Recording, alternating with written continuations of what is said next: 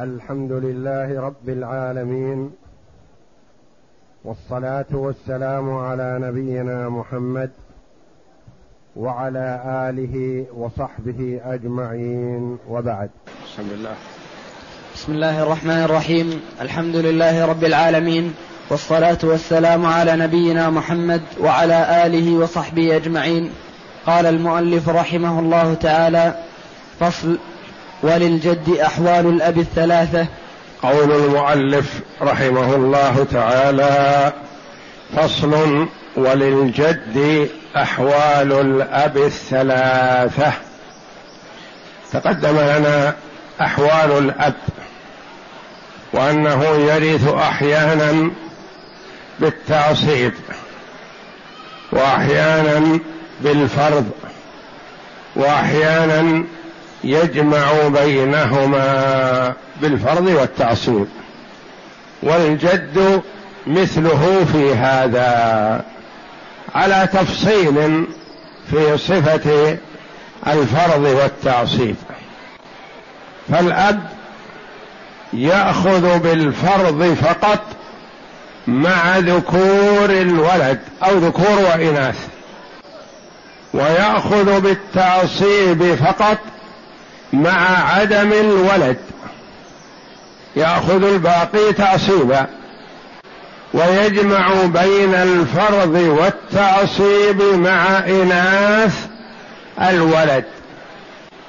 إذا لم يوجد فرع وارث إلا إناث فالأنثى تأخذ فرضها ومن معها والباقي للأب تعصيبا لا فرضا. أمثلة ذلك هلك هالك عن أب وجدة للجدة السدس واحد والباقي للأب. هنا ورث الأب بماذا؟ بالتعصيب فقط. هلك هالك عن ابن وأب. المسألة من ستة. للأب السدس واحد والباقي للابن ورث بالفرض فقط. هلك هالك عن بنت وأب للبنت النصف ثلاثة وللأب السدس واحد وله الباقي تعصيبا. ثم ترد المسألة إلى اثنين للبنت واحد وللأب واحد. هذه أحوال الأب. أحوال الأب ثلاثة. بالفرض والتعصيب أو بالفرض فقط أو بالتعصيب فقط. وهو لا يتجاوز هذه حتى في العمريتين وحتى في إذا اجتمع إخوة أو لم يجتمع فهو إما بالفرض فقط وإما بالتعصيب فقط وإما بهما معا. قال هنا رحمه الله وللجد أحوال الأب الثلاثة. للجد أحوال الأب الثلاثة. يعني أن الجد يأخذ بالفرض فقط ويأخذ بالتعصيب فقط ويأخذ بهما معا مثل الأمثلة التي مثلنا للأب. هالك عن جدة وجد. المسألة من ستة. للجدة السدس واحد والباقي للجد تعصيبا لا يأخذ بالفرض. هالك عن جد فقط. المال للجد. تعصيبا يأخذ هنا بالتعصيب يأخذ بالفرض. هالك عن ابن وجد. للجد السدس واحد والباقي للابن. هالك عن ابن وبنت وجد. للجد السدس واحد والباقي للابن والبنت للذكر مثل حظ الأنثيين. هنا يأخذ الجد بالفرض فقط السدس. يجمع بين الفرض والتعصيب هلك هالك عن بنت وجد. المسألة من ستة للبنت النص ثلاثة وللجد السدس واحد والباقي يأخذه تعصيبا فترد المسألة إلى اثنين. له واحد بالفرض والتعصيب وللبنت النصف واحد. فهذه أحوال الأب وكذلك مثل أحوال الجد. من حيث العموم بصرف النظر عن وجود إخوة أو عدم وجود أو نحو ذلك. الأحوال التي تأتي للأب تأتي للجد. وإذا اجتمع مع الجد أم تختلف الحال. هو هو على ما هو عليه في التعصيب. لكن ليس كالأب ليس كالأب. فمثلا هلك هالك عن بنت وأم وجد للبنت النص ثلاثة وللأم السدس واحد وللجد السدس واحد وله الباقي تعصيبا. هلك هالك عن جدة هلك هالك عن أم وجد المسألة من ستة. عن أم وجد المسألة من ثلاثة. للأم الثلث واحد. وللجد الباقي تعصيبا. هلك هالك عن زوج وجد وأم. زوج وجد وأم. المسألة من ستة. للزوج النصف ثلاثة وللأم الثلث في هذه الحال اثنان. ويبقى واحد للجد نقول له السدس. لا ما له فرض هنا. هو تعصيب. يأخذ الباقي تعصيبا وهو السدس. بخلاف ما لو كان مع الأم أب فإنه يختلف عن هذه الحال. نعطي الزوج نصيبه ثم نقسم الباقي اثلاثا عليهم. أما أم مع جد فإن صاحب الفرض من زوج أو زوجة يأخذ نصيبه وتأخذ الأم تاخذ الأم الثلث كاملا. وما بقي للجد. وإذا اجتمع نعم. وإذا اجتمع مع الأم أحد الزوجين فللأم الثلث كاملا للثلث للأم الثلث كاملا ما تأخذ مثل ما لو كان معها أب ثلث الباقي وإنما تأخذ الثلث كاملا لأنه لم يوجد من يصرفها أو يحجبها عن الثلث.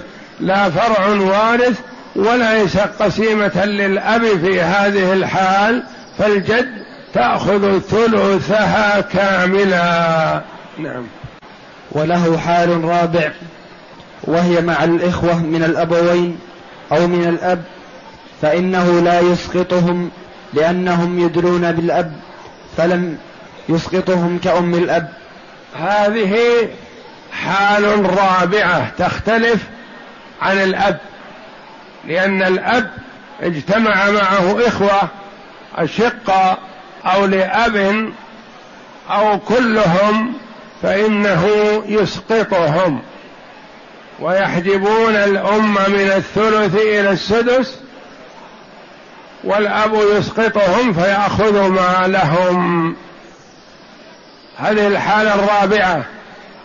وهي مع الإخوة من الأبوين أو من الأب فإن الجد لا يسقطهم بخلاف الأب فالأب يسقطهم والجد لا يسقطهم وإنما يشتركون وإياه ويكون معهم كأخ واحد من إخوانهم.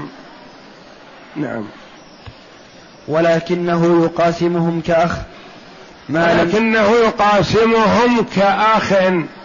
هلك هالك مثلا عن جد وأخ.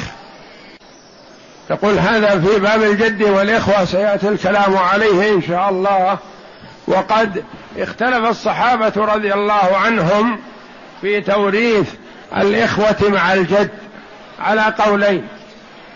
عدد من الصحابة رضي الله عنهم يسقطون الإخوة أشقة أو لأب أو مجتمعين كلهم يسقطونهم بالجد كما يسقطونهم بالأب. وقال بهذا عدد من الصحابة ومنهم أبو بكر الصديق رضي الله عنه. وجمع من الصحابة وابن عباس وعدد من الصحابة. المذهب الثاني وهو قول زيد بن ثابت رضي الله عنه يقول الجد والإخوة يشتركون ولا يسقطهم ولا يسقطون وهو معهم كأخ إلا في جانب الأم فلا يعد معهم بمثابة أخ.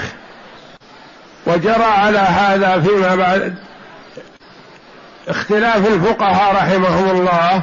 منهم من أخذ بالمذهب الأول وهو ما ذهب إليه أبو بكر الصديق وجمع من الصحابة وابن عباس رضي الله عنهم أجمعين.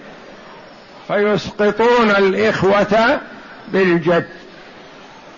ومن الأئمة رحمة الله على الجميع من ورث الإخوة مع الجد.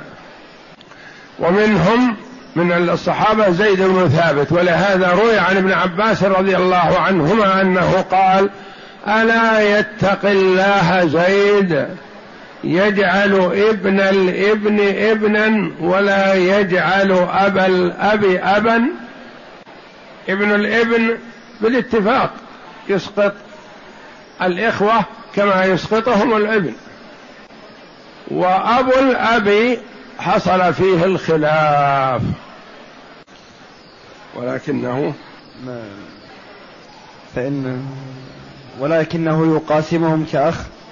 ما لم تنقصه المقاسمة من الثلث. ما لم تنقصه المقاسمة من الثلث.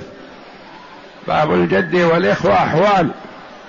الجد مع الإخوة أحيانا المقاسمة وأحيانا الثلث وأحيانا ثلث ما بقي وأحيانا السدس ولا ينقص عنه. المقاسمة متى تكون خيرا له؟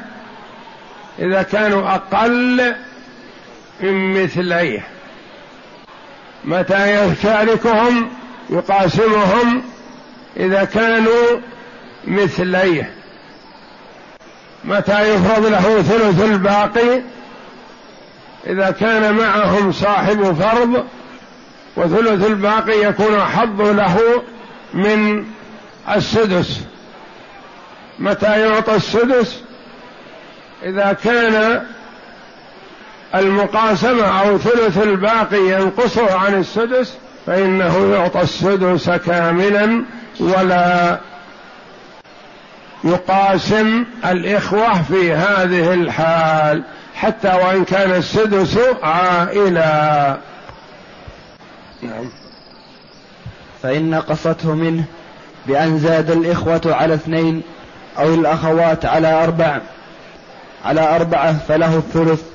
مثال ذلك هلك هالك عن جد وأخت. المسألة من ثلاثة. للجد سهمان وللاخت سهم واحد. هنا المقاسمة خير له. هلك هالك عن جد وأختين. المقاسمة خير له. لأنه يأخذ النصف وهن يأخذن النصف. المق... هلك هالك عن أخ وجد المقاسمة خير له لأن الأخ يأخذ واحد وهو يأخذ واحد. هلك هالك عن ثلاث أخوات وجد المقاسمة خير له. هلك هالك عن أخ وأخت وجد المقاسمة خير له. هلك هالك عن جد وأخوين.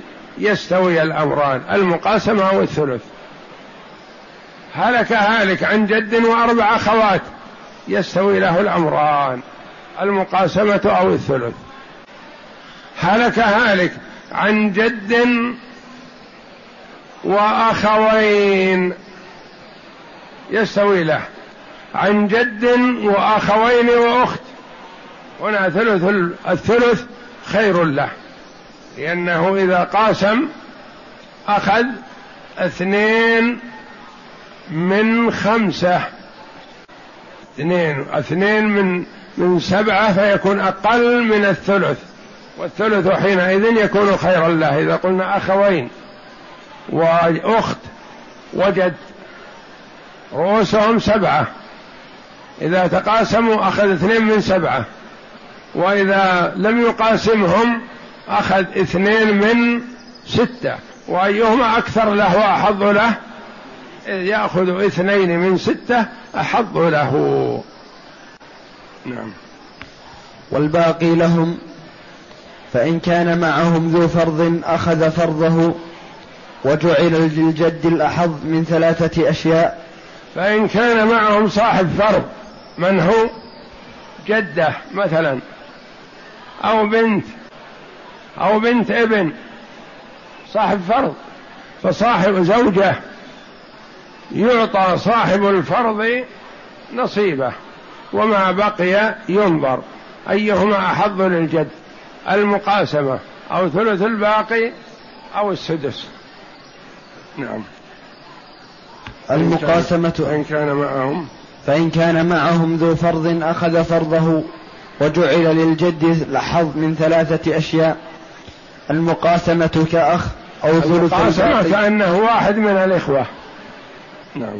أو ثلث الباقي لأن ولد ثلث الباقي بعد أخذ صاحب الفرض نصيبه.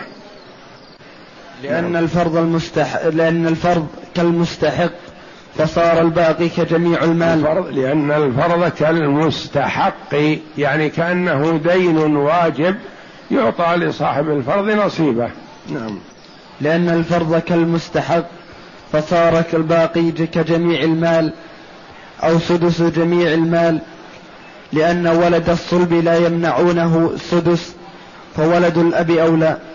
لأن ولد الصلب لا يمنع عليه لأنه ما ينزل عن السدس ما يحجبه عن السدس إلا الأب إذا وجد وإلا فلا ينقص عن السدس.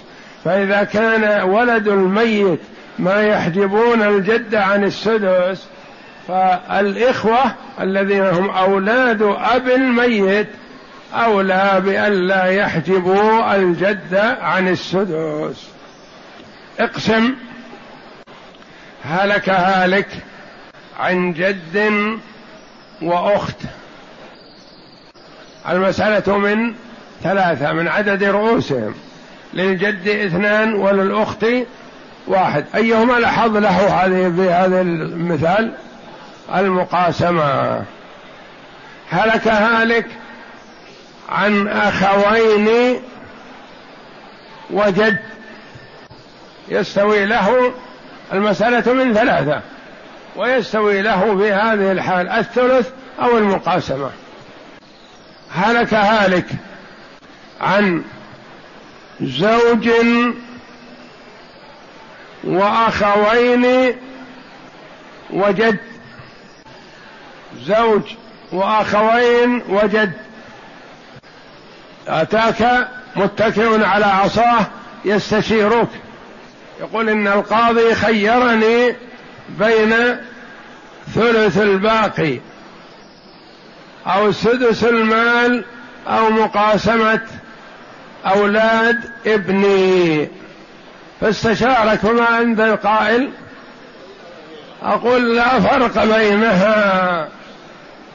إن قاسمتهم أخذت سدس. وإن أخذت ثلث الباقي أخذت سدس. وإن طلبت السدس فرضا أخذت السدس. لأنه إذا هلك هالك عن زوج وأخوين وجد. قلنا المسألة من كم؟ من ستة للزوج ثلاثة بقي ثلاثة. قلنا للجد تريد المقاسمة؟ تأخذ واحد. تريد ثلث الباقي؟ تأخذ واحد. تريد السدس؟ تأخذ واحد. يستوي له الأحوال الثلاثة حينئذ. هلك هالك عن زوج وأخت وأخ وجد. أيهما أحظ له وأتاك يستشيرك. انصح له بما تراه مناسب. انظر. زوج المسألة من ستة. للزوج النصف ثلاثة. بقي ثلاثة. عندك أخ وجد وأخت. أخ الأخوين واحد. هنا الأحظ له المقاسمة لأنهم أقل من مثليه أحظ له من السدس وأحظ له من ثلث الباقي وإنما يقاسمهم. يستوي له ثلث الباقي والمقاسمة إذا كانوا مثليه. يفضل ثلث الباقي إذا كانوا أكثر من مثليه. يفضل له سدس الباقي إذا كان الباقي أقل إذا كان نصيبه إذا قاسم أو أخذ ثلث الباقي يكون أقل من السدس. فالسدس خير له حينئذ. اقسم. هلك هالك عن جد وابن وثلاثة إخوة. المسألة من ستة. للجد سدس واحد والباقي للابن. ما في مقاسمة هنا لأن فيه الابن يحجب الإخوة ولا يحجب الجد. هلك هالك عن جد وجدة وأخ شقيق. جدة وجد وأخ شقيق. المسألة من كم؟ من ستة. ننظر. أول نقسم. نقول من كذا. نخرج أصل المسألة. من ستة. للجدة السدس واحد. بقي معنا خمسة. لو قلنا للجد نعطيك السدس كم ياخذ؟ واحد. لو قلنا للجد نعطيك ثلث الباقي ياخذ من ثلث الباقي اثنين إلا يعني خمسة بقي خمسة اثنين إلا ثلث. إذا قلنا للجد المقاسمة أخذ اثنين ونصف من الخمسة. إذا كان ستة المسألة من ستة راح سدس الجدة. بقي خمسة. إذا قاسم أخذ اثنين ونصف. وإذا أعطيناه ثلث الباقي من خمسة نعطي اثنين إلا ثلث. وإذا أعطيناه السدس أعطيناه واحد. فالمقاسمة خير له وأحظ له. هلك هالك عن جد وخمسة إخوة وخمس أخوات. المسألة من من ستة. وتقدر تقول تستطيع تقول المسألة من ثلاثة لأن ما في داعي للستة لأن ما في صاحب فرض يجرنا إلى الستة. لأن نعطي نقول للجد الثلث. فالثلث خير له من المقاسمة وخير له من سدس المال. نعطيه الثلث المسألة من ثلاثة. نعطيه الثلث والإخوة والأخوات يقتسمون الباقي. هلك هالك. عن أربعة إخوة وزوج وجد. زوج وجد انتبه. وأربعة إخوة. الإخوة إذا زادوا عن مثلي الجد كل واحد. المسألة من ستة. للزوج النص ثلاثة. وباقي معنا ثلاثة. نقول للجد تريد المقاسمة؟ يقول لا. تريد ثلث الباقي؟ ثلث الباقي. تريد السدس؟ السدس وثلث الباقي؟ سيان. والمقاسمة نقص عليه لأنه يقاسمهم أربعة وهو واحد يأتيه واحد من خمسة. وإذا أخذ ثلث الباقي أخذ ما بقي ثلث ما بقي. أحسن له من خمس ما بقي. هلك هالك. عن جد وجدة وثلاث أخوات شقيقات. المسألة من ستة. للجدة السدس واحد ويبقى معنا خمسة. نخيل الجد عنده ثلاث أخوات. نقول تريد المقاسمة؟ يقول نعم لأنه أقل من مثليه. والمقاسمة خير له. فيقاسم الأخوات. ثلاث وهو بسهمين يكون خمسة يكون يأخذ اثنين من ستة. يأخذ اثنين من ستة. خير له. والله أعلم. وصلى الله وسلم وبارك على عبد ورسول نبينا محمد وعلى آله وصحبه أجمعين.